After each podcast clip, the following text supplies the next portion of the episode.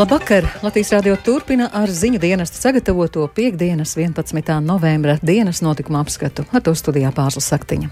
Īsts ieskats redzījuma tematos. Hersona atgriezusies Ukrainas kontrolē. Hersonā arī iegāja pirmās Ukrainas armijas vienības, kuras vietējie iedzīvotāji sagaidīja ar ovācijām un asarām acīs. Sajūsminātie hersonieši sauca Hersona ir Ukraina. Radušās aizdomas par vērienīgu krāpšanos ar automašīnās ieliekamajām invaliditātes kartēm, taču pierādīt pārkāpumus ir teju neiespējami. Mums liela daļa šo cilvēku ir ļoti gados veci cilvēki vai cilvēki, kas neizmanto vispār transportu, un šīs saulētas tiek dotas par rokām. Tad ļoti daudz šīs saulētas izmanto radi, draugi un tā tālāk. Divas reizes audzis pieprasījums pēc bezmaksas koksnes izcirtumos. Dosimies Rīgas mežos. Pensija man, diemžēl, ir tāda, ka nu, nepietiek komunālajiem maksājumiem, bet nu, jādzīvo ir. Pa ceļām iebraucu mežā un savākšu sev atkal kārtējo kurināmo. Tas ir mans glābiņš. Šodien Latvijas dienā visā Latvijā dažādos atceres pasākumos godinām Latvijas brīvības cīnītājus. Šī ir diena, kad neatkarīgās un jaunās Latvijas armijas karavīri 1919. gadā padzina no pārdaugavas Bermontā Vālova karaspēku. Tradicionāli 11. novembra krastmalā pie Rīgas pils cilvēki noliek svecītes. Krastmalā ir arī mūsu korespondents Viktors Demīdovs, ar kuru esam sazinājušies. Viktor, eh, pastāsti lūdzu par noskaņu krastmalā. Jā, labvakar pārsla, labvakar Latvijas radio klausītāji. Krastmalā ir sapulcējušies iespējams pat vairāki simti cilvēku. Jūtama svētku noskaņa, arī ejot uz šejieni pa vecrīgas ielām varēja dzirdēt, ka vecāki saviem bērniem stāsta par lāčplēša dienu un dodas nolikt svecītes Latvijas brīvības cīnītājiem. Sanākuši ir dažādi vecuma cilvēki, jaunāki, vecāki, ir manīts arī kāds karavīrs formā, kas ieradies ar savu ģimeni, nolikt svecīti un uh, atcerēties uh, vairāk nekā pirms simt gadiem, precīzāk pirms simt trim gadiem uh, šos notikumus. Un, gaisā virmo patriotisms, kas šogad jūtams, es teiktu, izteiktāk, iespējams, Ukrainas kara dēļ. Sveces aicina nest stikla ietvaros, lai pasargātu pils vēsturisko mūri no sakausējumiem. Savukārt izdegušās sveces rūpīgi savāks, un pēc tam Rīgas skolāni un citi iedzīvotāji varēs darbnīcās veidot ierakumu sveces, kas noderēs kaujās Ukraiņiem. Jāpiemina, ka 11. novembra krastmala tagad ir bloķēta. Un, ja mēs runājam kopumā par pasākumiem Rīgā, tad šodien notiek daudzi. Dažos esmu ielūkojies un lūdzu paklausīsimies to reportāžā. Marija stājās pie durvīm, jau sevi aizstāv. Ar patriotiskām vīru kopas vilki dziedātām dziesmām Latvijas brīvības cīnītājus pieminēja Imantas Sudrabkalniņā. Šeit pie pieminekļa sestās Rīgas kainieku pulka karavīriem, kas 1919. gadā krita kaujās par tēvu zemi, sapulcējās vismaz simt dažādu vecuma cilvēku. Pieminekļa pakājē viņi nolika sveces un sarkanbalts sarkanu ziedus. Mums ir jāsaglabā patriotisms un arī nu, tāds veselīgs skats uz dzīvi. Jo visu laiku jau notiek kaut kas netik labs. Šodien Latvijas dienā ir labas sajūtas, jo šodien taču atbrīvoja Latviju no Bermuda. Tīpaši šeit ir tāds uh, svinīgāks, nu, kad ir svecītes, dziet, uh, karavīri. Ko jums pašai tas nozīmē Latvijas diena? Ar ko tas asociējas? Man pašai varbūt ar tādu tā kā latviskuma sajūtu, tad, kad ir iespēja svinēt un sajust, ka esam latvieši, varbūt vairāk piedomāt par savu zemi, par savu, kā, savām saknēm. Dienas garumā aktīvi apmeklēts bija laukums pie pulvera torņa, kur apskatāmas Latvijas un sabiedroto bruņoto spēku militārās tehnikas vienības. Tās labprāt apmeklēja daudz mazu bērnu un skolānu, kas ieradās kopā ar saviem vecākiem vai skolotājiem. Spītējot laikapstākļiem, bērniem noskaņojums bija labs, un viņi nepacietīgi gaidīja garā rindā, lai ielūkotos bruņu mašīnās. Vairākiem cilvēkiem pie krūtīm bija redzamas sarkanbalts sarkanas lendītes un rokas rokās ziedi. Patriotiski noskaņa, jā, nu, aizsargāt savu tēvu zemi, ko senči mums ir pierādījuši, un, un turpināt to darīt arī mūsdienās. Ar Latvijas no pasakas. Ar uzvaru. Ar uzvaru pār ko? Par uzvaru uh, Bermudiešanu. No vēsturiski, protams, jā, tas ar visu atbrīvošanu. Parasta diena, neesam lieli patrioti. Kāpēc? Nezinu, neesam par to aizdomājušies. Bet, uh, jā, svinīgs noskaņojums. Um, par Latviju un par brīvību. No diena ir Latvijas jau pirmām kārtām. Tas ir ar varonīgām cīņām. Un to, ka mūsu strēlnieki ir ļoti čakli un strādīgi bijuši un strādāja un vinnēja kaujās. Kā ņemot vērā karu Ukrainā, jūs svētkus izjūtat šogad? Laikam jau īpaši saviņojoši. Drēgnāk, tumšāk, skumjāk, bēdīgāk. Nu, apkārtnē jau arī nebūs īsti nekādu lielo pasākumu, kā bija citus gadus. Patriotiski mēs aizstāvam Ukraiņus un, un ļoti palīdzam, cik nu varam. Daudz emocionālāk. Šādi tāda asariņas paliek. Mēs tikko nolikām svecītes pie, pie mūra, un tas bija tāds neliels aizkustinājums. Vakarā Rīgā ir sācies viens no centrālajiem Lāčplēša dienas notikumiem. Latviešu strēlnieku laukumā vairāku stundu garumā koncertēs vairākas Rīgas folkloru kopas un rokgrupa līvi. Savukārt vecmalgrāvī kultūras pilī Ziemeļplāzma uzstāsies dzēnieks un komponists Lauris Valters un jauktais koris Norise. Pasākumi gaidāmi arī koncertzālē Avesol un Rīgas domā. Viktors Demidovs, Latvijas radio. Un arī Daugavpilī šodien notiek Lāčplēša dienai veltīti pasākumi, arī lāpu gājiens. Jautājām cilvēkiem, ko šī diena nozīmē viņiem. Īpaša diena, kā vienmēr, 11. 11.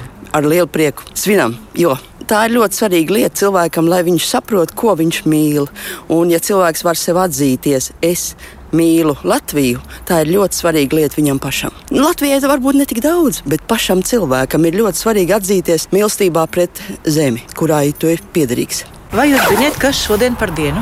Latvijas diena. Pieminam cilvēkus, arī, kuri karoja par mūsu valsti. Kā jūs šodien vadīsiet šo dienu? Jā, priekš mums tas ļoti svarīgi, tāpēc, ka es kopā ar Jānsardzē iesim pieminēt mirušos. Latvijas dienā, kā tika uzveikts Barmontā karaspēks. Droši vien svinēsim rīt, kad dosimies ciemos pie vecākiem. Bet tāda vispār ir kāda sajūta, kad pilsētā ir svētki. Jā, protams, ir svētki, jo taču visas dekorācijas izvietotas lūk šeit skatuve tiek montēta. Es zinu, ka vakarā būs svētku koncerts, lāpu gājiens. Tad vēlētos novēlēt visiem priecīgus svētkus, lai izbaudām to valsti, kura mums ir dota, un lai būtu miers visā pasaulē. Ukrainas karogi atkal plīvo atbrīvotajā Helsonas pilsētā, valsts dienvidos. Tur šodien iegāja Ukrainas bruņoto spēku vienības, kurām izdevās atbrīvot Helsonu pēc vairākus mēnešus ilgas operācijas. Krievija paziņoja, ka tās spēki ir pilnībā pametuši Helsonu. Līdz ar to Krievija ir zaudējusi kontroli pār vienīgo Ukrainas apgabala centru, ko tās armijai izdevās ieņemt pēc pilna apmēra iebrukuma 24. februārī. Vairāk stāsta Ulis Česberis. Divas dienas pēc tam, kad Krievijas militārā vadība paziņoja, ka uzsāk sava karaspēka izvešanu no marta sākumā okupētās Helsonas, pilsētā pie ēkām atkal tika uzvilkti Ukrainas karogi. Helsonā arī iegāja pirmās Ukrainas armijas vienības, kuras vietējie iedzīvotāji sagaidīja ar ovācijām un asarām acīs.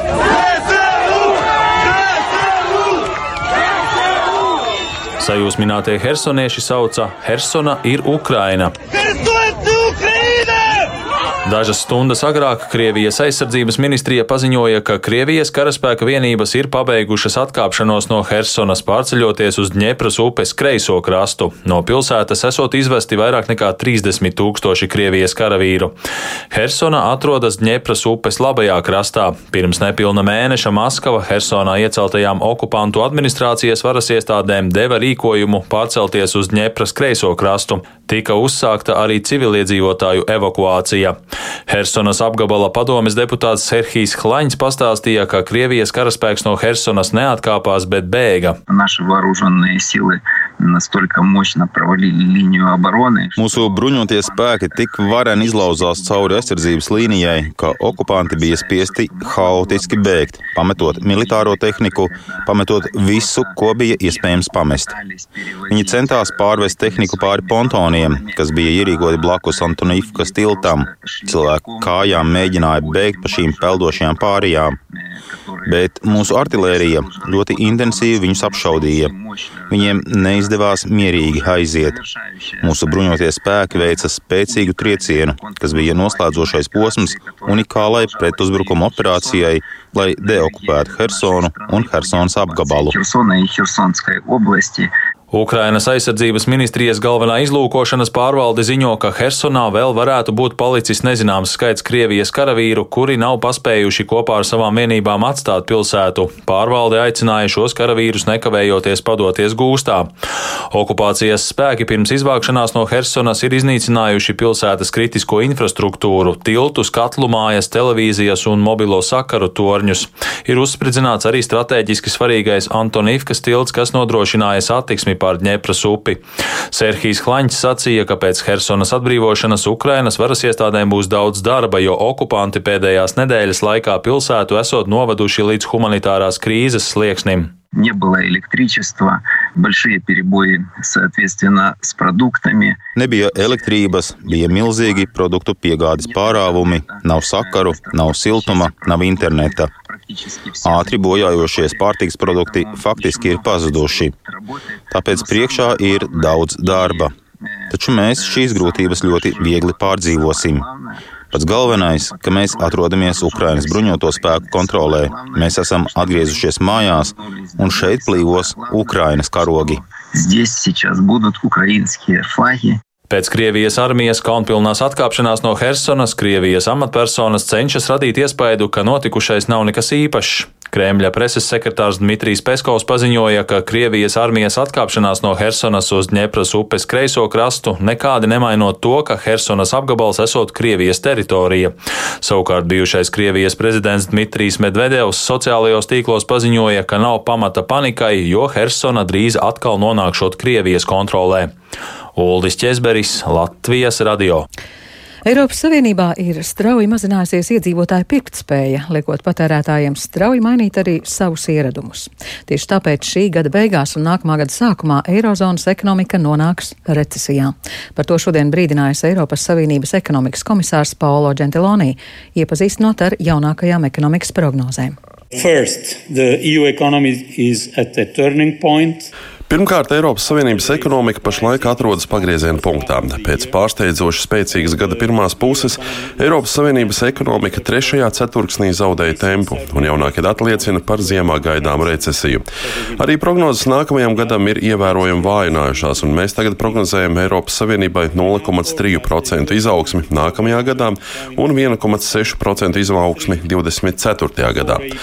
Otrakārt, inflācija ir turpinājusi augt straujāk nekā cerēts, taču mēs uzskatām, uzskatām, ka augstākais punkts ir tuvu visticamāk gada beigās.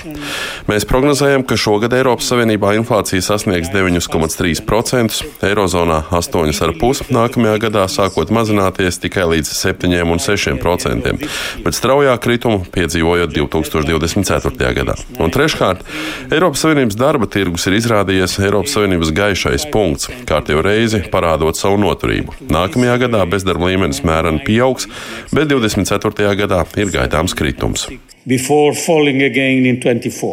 Tā ir Eiropas Savienības ekonomikas komisārs Paulo Gentiloni. Ziemeļmaķedonijas republika un Latvija ir līdzīgi domājošas valstis, kurām būtu nepieciešams veicināt savu sadarbību tirzniecības jomā. Šādu viedokli viesojoties Rīgā šodien pauda Ziemeļmaķedonijas republikas ārlietu ministrs Bujārs Osmanī. Ziemeļmaķedonijas republika pavisam nesen ir kļuvusi par Eiropas Savienības kandidātu valsti, turklāt Latvijā NATO grupējuma sastāvā atrodas arī tās karavīri. Pēc tikšanās ar Latvijas ārlietu ministru Edgaru Rinkeviču Bujārs Osmanī pauda gandarījumu par veiksmīgo divpusējo sadarbību. Mēs nodibinājām divpusējās attiecības 1996. gadā un pēdējo 30 gadu laikā esam izveidojuši lielisku sadarbību, kas balstīta uz apusēju cieņu un atbalstu. Latvija ir bijusi un ir viena no aktīvākajām valstīm aizstāvot Rietumbalkānu centienus pievienoties Eiropas Savienībai. Mēs esam līdzīgi domājošas valstis ar līdzīgu skatījumu par mūsu kontinentu un mūsu pasauli. Ziemeļmaķedonijas republika savu ārpolitiku ir pilnībā saskaņojusi ar Eiropas Savienības ārējo un drošības politiku. Mēs arī esam skaļi pauduši nosodījumu Krievijas agresijai un izteikuši solidaritāti Ukrainai. No mūsu lieliskās politiskās sadarbības nedaudz atpaliek ekonomiskā sadarbība, un, manuprāt, mums vairāk ir jāstrādā pie uzņēmēju, sabiedrību un cilvēku tuvināšanas. Taču arī bez tā mums ir lieliska sadarbība dažādos fórumos. Mēs esam tuvi sabiedrotie NATO aliansē, un es ceru, ļoti drīz sabiedrotie arī Eiropas Savienībā. And I hope very soon allies in the European Union. Personas ar funkcionēšanas ierobežojumiem, kurām atbildīgā valsts iestāde ir izsniegusi atbilstošu atzinumu ceļu satiksmes un drošības direkcijā, var saņemt invaliditātes karti. Tā atļauj novietot automašīnas speciālajās stāvvietās. Nevalstiskās organizācijas norāda, pastāv kāda liela problēma. Šī brīža kārtība ir viegli apējama negodprātīgajiem cilvēkiem. Proti, šādas kartes saņēmējs, kurš pats transportu neizmanto, šīs kartes nereti nodod saviem tuviniekiem radiniekiem. Atbildīgajās iestādēs skaidro, problēma ir zināma, taču risinājuma pagaidām nav. Turpina Kristaps Feldmanis. Personām ar funkcionēšanas traucējumiem, saņemot atbilstošu atzinumu, ir iespēja tikt pie speciālām stāvvietu kartēm, kas atļauj automašīnas novietot speciālajās autostāvvietās, piemēram, pie lielveikalu durvīm vai arī vecrīgas sirdī. Latvijas cilvēku ar īpašām vajadzībām sadarbības organizācijas Sustento politikas koordinātore Iveta Neimane uzsver, ir kāda ļoti nopietna ar šo karšu izmantošanu saistīta problēma. Nereti šīs speciālās atļaujas izņem personas ar funkcionēšanas traucējumiem, kuras pašas tās neizmanto un nodod lietošanai tuvi tuviniekiem. Tas rada situācijas, kurās tie, kuriem patiešām nepieciešama speciālā stāvvieta, vietas vienkārši nepietiek, stāsta Neimane. Mums liela daļa šo cilvēku ir ļoti gados veci cilvēki vai cilvēki, kas neizmanto vispār transportu, un šīs saulētas tiek dotas par rokām. Tad ļoti daudz šīs saulētas izmanto radi, draugi un tā tālāk. Un rezultātā tiešām Rīgā tā ir milzīga problēma, jo nu, mums pašiem centrā ir birojas un atrast vietu mašīnai, kas vēda reāli cilvēku ar invaliditāti, nu, ir ļoti, ļoti sarežģīti, jo principā visas speciālās stāvvietas aizņemts. Neimani skaidro, šobrīd šīs problēmas izskaušanai nav izdomāts risinājums, un tā tas ir visur Eiropā. Neimani gan min kādu ideju - caurlaidiem piesaistīt kvadrātkodus, kas saturētu informāciju par caurlaides īpašnieku un, piemēram, policijas darbinieka aizdomu gadījumā varētu ar viņu sazināties konsultēties, lai noskaidrotu apstākļus. Šādu ideju gan diezko neatbalsta Labklājības ministrijas valsts sekretāra vietniece Elīna Celmiņa. Tas nozīmē, ka mēs monitorējam, cik bieži tā karte, kurā vietā stāv, un apšaubam, ka viņi nevarēja tur būt atbraukuši un izdaram prezumtīvus spriedums par to, ka cilvēks ar invaliditāti visticamāk šādā džipā nevarētu braukt. Nu, tas neizklausās pēc tāda ļoti iedzīga risinājuma. Celmiņa gan piekrīt, ka šāda negodprātīga rīcība ir novērojama un līdzīgi kā Sustento pārstāvis skaidroja, Latvijā un arī pasaulē nav efektīva risinājuma, kā ar to cīnīties, tādēļ arī ministrija šobrīd nevar ierosināt kādus stingrākus noteikumus. Un arī pārkāpēju pieķeršana ir teju neiespējama, skaidro Rīgas pašvaldības policijas pārstāvis Toms Sadovskis. Policijas redzeslokā jau parasti automašīna mašīnas, kas ir novietojtas invalīdu stāvvietās, nonāk tajā brīdī, nu, kad viņas jau tur stāv. Nu, visu, ko policija tajā brīdī var izdarīt, ir vienkārši pārliecināties, vai šī karte automašīnā uz paneļa ir novietot. Vēl pēreiz var pārbaudīt, vai viņiem varbūt ir beidzies derīguma termiņš, vai vispār tāda neeksistē. Nu, pārējos gadījumos, protams, policija īsti neko iesākt nevar. Vienīgais tāds izņēmums būtu tad, ja šis vadītājs ir klāt, tad jau mēs varam pārliecināties. Tie gadījumi, protams, būs daudz retāki, bet nu, praksē arī tādi daži ir bijuši, kur mēs konstatējam, ka teikt, negodprātīgi izmantot šī invaliditātes karte. Labklājības ministrijas valsts sekretāra vietniece Elīna Celmiņa gan apelēja arī pie pašu karšu saņēmēju sirdsapziņas. Šāda negodprātīga rīcība, nododot karti radiniekiem vai draugiem, veicina to, ka citām personām ar funkcionēšanas traucējumiem, kuras patiesi izmanto transportu, ir grūtāk to novietot. Tāpat Celmiņa norādīja, ka šāda problēma būtībā ir tikai Rīgā, jo galvaspilsētā ir ierobežots skaits un gana dārgas autostāvvietas, tādēļ arī vilinājums pārkāpt noteikumus, kuros pieķert ir grūti, ir lielāks. Kristaps Feldmanis, Latvijas radio. Līdz ar kurināmā izmaksu pieaugumu pieprasījums pēc bezmaksas malkas ir palielinājies vismaz divas reizes. Reizes. Iespēja mežā vākt cirsmu atliekas izmanto pat vairāki tūkstoši cilvēku. Kāda ir kārtība un vai tāda kurināmā pietiks visiem gribētājiem? Par to vairāk Viktora Demīdo reportāžā.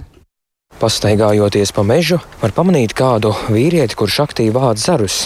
Labdien! Labdien! No Latvijas radio ziņām. Kāpēc jūs vācat zarus? Kurināmām Man ir atļauja. Pensionārs Nikolais Kukne kādā no galvaspilsētas mežniecībām cīrs matliekas sācis vākt tikai šomēnes. Lai gan viņam dzīves vietā esot gāzes apkure, mājās saglabājušās krāsnis, kuras tagad kurināt esot izdevīgi. Pensija man, diemžēl, ir tāda, ka nu, nepietiek komunālajiem maksājumiem. Es gan pieteicos mājokļu pabalstam, bet uh, mums ar vienu roku dod, ar otru ņem nost, diemžēl. Bet, nu, jādzīvo ir pa ceļām iebraucu mežā un savākšu sev atkal kārtējo kurināmo. Tas ir mans glābiņš. Mežā var sastapt dažādas cirsmu atliekas. Pamatā tie ir priežu zari, bet ir sastopami arī dažādi krūmu zari. Paratam var manīt arī kādu apsi. Piemēram, šeit tā izskatās ir kādus pusotru metru gara un resnumā aptuveni 10 centimetri. Šeit bija zaru krautuves vieta, kur uh, tika pievesti zari no apkārtnes, aizvesta, sašķeldota, un viss, kas ir palicis šeit, šo visu var vākt projām. Rīgā jūglas mežā iedzīvotāji var vākt koku un krūmāju atliekas aptuveni 120 hektāru lielā platībā. Galvenais ir jābūt atļaujai un jāievēro arī noteikumi. Drīkst ņemt visa veida cirsmu atliekas, kas ir līdz 20 cm diametrā. Ja ir resnāks, tad garumā auga daļa drīkst būt ne vairāk kā metru. Tā skaidro mežzinis Modris Martinovs no uzņēmuma Rīgas meži, norādot, ka īsināt garos stumbrus vai zarus ir aizliegts. Ekoloģiskie koki tiek atstāti bioloģiskai daudzveidībai, kā mājvieta dažādām kukaiņu sugām, arī putniem. Tā ir teiksim, tā barības bāze. Kāpēc vispār ir nepieciešama tā atļauja, jo ja jau ir bezmaksas? Tāpēc, lai iedzīvotāji šos lielos sausos kokus neizvāktu. Rīgas mežiem ir saistošie certifikāti, kur mums uh, nosaka par pienākumu atstāt konkrētu sausās, kaltušās, kritušās koksnes apjomu uz hektāru. Kāpjot energoresursu izmaksām, pieprasījums pēc bezmaksas kurināmā ir teju divreiz lielāks nekā pērn, kopumā reģistrējot vairāk nekā simt iesniegumu. Tā ziņo Rīgas meži par visām piecām uzņēmuma mežniecībām, no kurām četras atrodas ārpus galvaspilsētas.